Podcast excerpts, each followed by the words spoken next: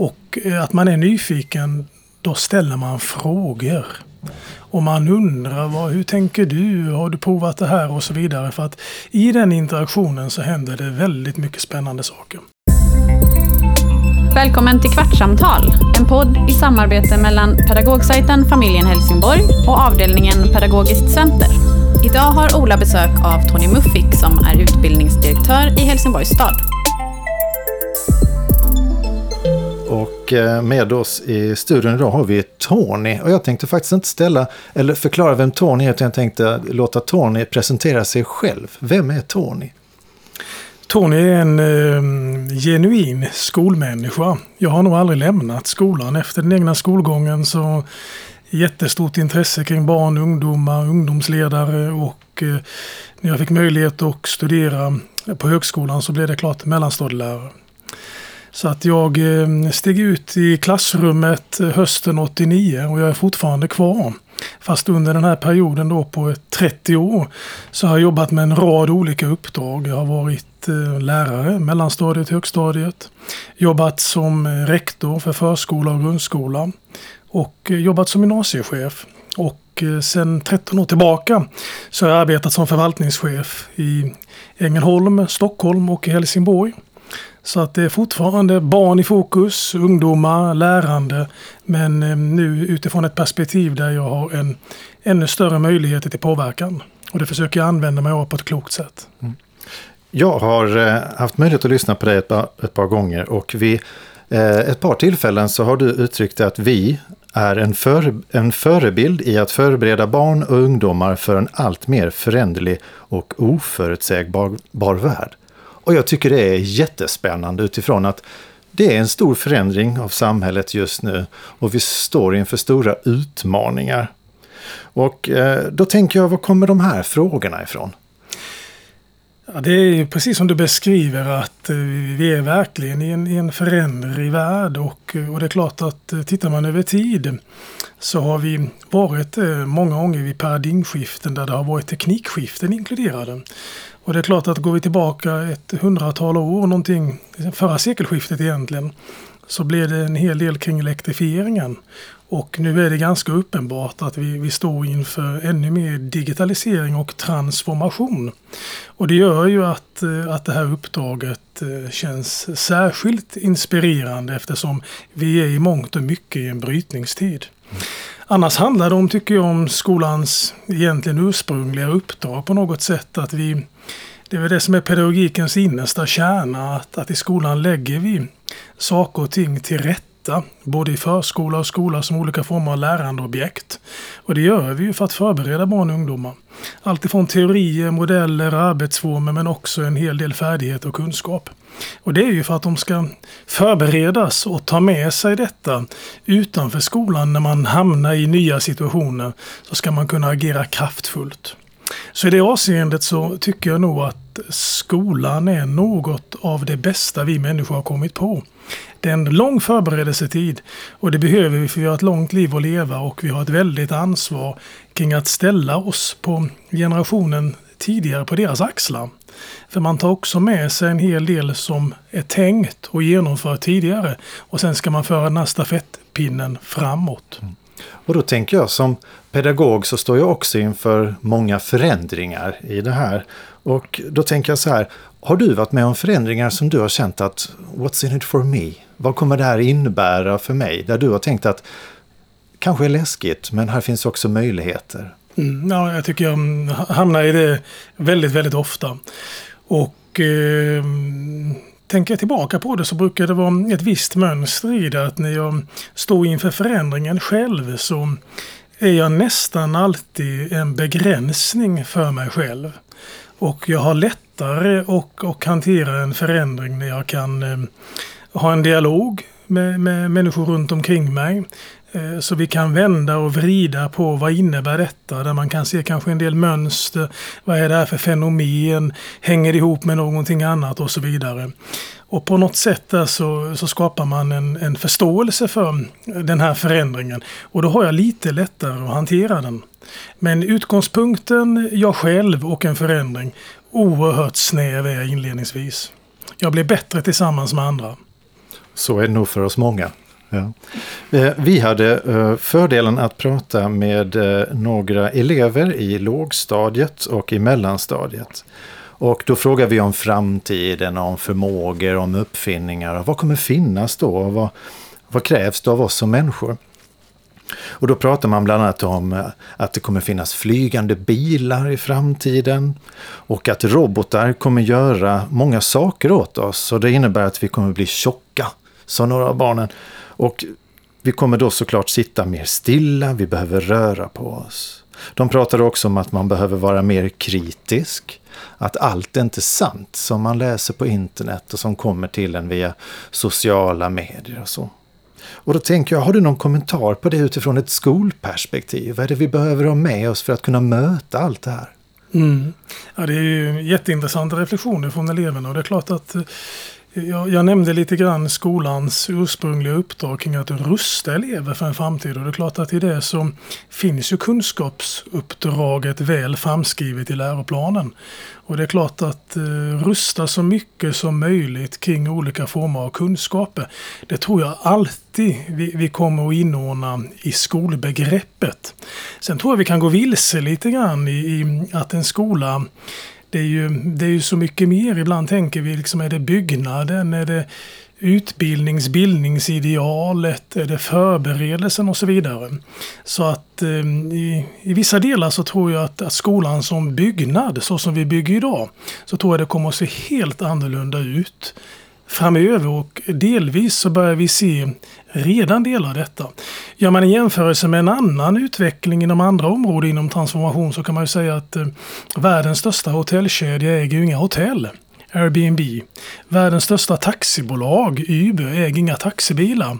Så det är klart, frågan är hur mycket fysiska byggnader det kommer att vara i skolan. Jag tror faktiskt inte det, men jag tror att skolan som ideal, skolan som begrepp Typ, utbildning kommer att finnas kvar, men det kommer att ta sig andra former. Nej, men då tänker jag, då är vi inne på, på, lite, på lite science fiction. För vi vet ju inte hur framtiden ser ut. Du pratar om att skolan kanske inte är en plats, utan det kanske är så att man, man eh, tar åt sig kunskaper på andra sätt. Vad är lärarens roll i framtiden då, tänker jag i allt det här? Mm. Jag tror alltid att det kommer att finnas en, en roll för, för läraren, för pedagogen. Sen är det klart att vi kommer inte vara likna, lika bundna i tid och rum. Eh, men ju mer information, ju mer vi, vi vet, ju mer vi kan ta fram, desto mer behöver vi också både ha med oss kunskaperna kring hur granskar man kritiskt, har du varit inne på, hur sovrar man? Och vi behöver också få hjälp eh, med att eh, lägga till rätta, sammanfatta. Vi kommer alltid att behöva ha mer erfarna människor runt omkring oss väldigt ofta en lärare som vägleder, som ser till att man tar saker och ting etappvis, Eh, som ger feedback, det mänskliga mötet utifrån att du får respons. Så att eh, det kommer alltid att finnas plats för möten människor emellan. För tänker man på skolan som en, inte som en byggnad utan bara som begrepp och vi tar de bilderna som vi kanske har idag utifrån att man sitter mycket med, framför skärmar. Man sitter kanske själv men man är i kontakt med många andra. Så tror jag vi kommer att tappa många dimensioner om vi inte också har delar av dagen där det är mänskliga möten. Mm. Interaktionen människor emellan den, kommer vi, den tror jag aldrig vi kommer att tappa. Nej. Så tänker jag också att vi är i en, ett skede där vi pratar väldigt mycket digitalisering. Men vi är ju fortfarande och lever i en digital värld och att de här världarna ska samverka och det bästa kan man tänka sig. Mm. Eh, nu och även i framtiden. Och förhoppningsvis är det som så att vi använder olika former av eh, tekniker till det det fungerar väl på. Så förhoppningsvis så är det en, en del manuella delar Eh, i administration, byråkrati och så vidare som vi kan automatisera. Men att vi höjer kvaliteten i interaktionen och möte människor emellan. Vilket skulle ditt hetaste tips vara till en nyexaminerad lärare? En nyutexaminerad eh, lärare eh, tycker jag behöver ha med sig en, en hel del eh, förmågor och kompetenser från lärarhögskolan som jag tycker att man förbereder studenterna för. Men det räcker inte att komma ut från lärarhögskolan och tro att där fick jag med mig allt. Utan jag tycker kombinationen till att man har en verksamhetsförlagd utbildning tillsammans med en huvudman en kommunal eller en fristående skola där man får prova den där teorin man har hämtat in ifrån lärarhögskolan i autentiska situationer. Alltifrån utvecklingssamtalet, föräldramötet, planeringen av undervisningen, själva genomförandet och sen uppföljningen. Och aldrig ensam utan med handledare, kollegialt, i ett arbetslag i kombination av att eh, det kan vara allmändidaktiskt eller ämnesdidaktiskt. Där uppstår ju ett enormt lärande i de processerna. Sen är det klart att eh, tittar vi på vad vi pratar om ganska mycket nu så handlar det om att, att man måste kunna ta ett ledarskap i klassrummet. Vi ställer stora krav idag på när det gäller värdegrund, hur man beter sig, att det finns en plats för alla, att man lyssnar på varandra. Det som egentligen är hela demokratiuppdraget. Eh, där bör man vara rustad, där bör man också prova sig fram, träna, få stöd, vägledning. Sen behöver man alltid vara kunnig i det man ska undervisa. Och när vi har pratat om digitaliseringen och så vidare så tror jag att de som kommer ut nu, de har ett försprång emellanåt åt oss som är lite äldre och som har kommit in i digitalisering och transformation lite senare. För de har fått med sig det redan från början. Mm. Och då tänker jag så här, för en lärare som kanske har jobbat som lärare större, större delen av sitt vuxna liv, vilket mindset krävs inför all den här förändring och nyutexaminerade lärare som kommer? Finns en risk för att det hänger ihop lite med, med ålder. Att oavsett vad vi håller på med så kan det vara som så att man blir lite snävare utifrån att man har en viss erfarenhet. Man vet att det här funkar, det här funkar inte. Och jag tror att eh, den nästan viktigaste egenskapen är att man fortfarande är nyfiken på det som är annorlunda hos medarbetaren som kom ut till en. Den där yngre läraren eller precis nyexade läraren.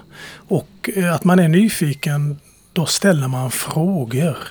Och man undrar vad, hur tänker du? Har du provat det här? Och så vidare. För att i den interaktionen så händer det väldigt mycket spännande saker.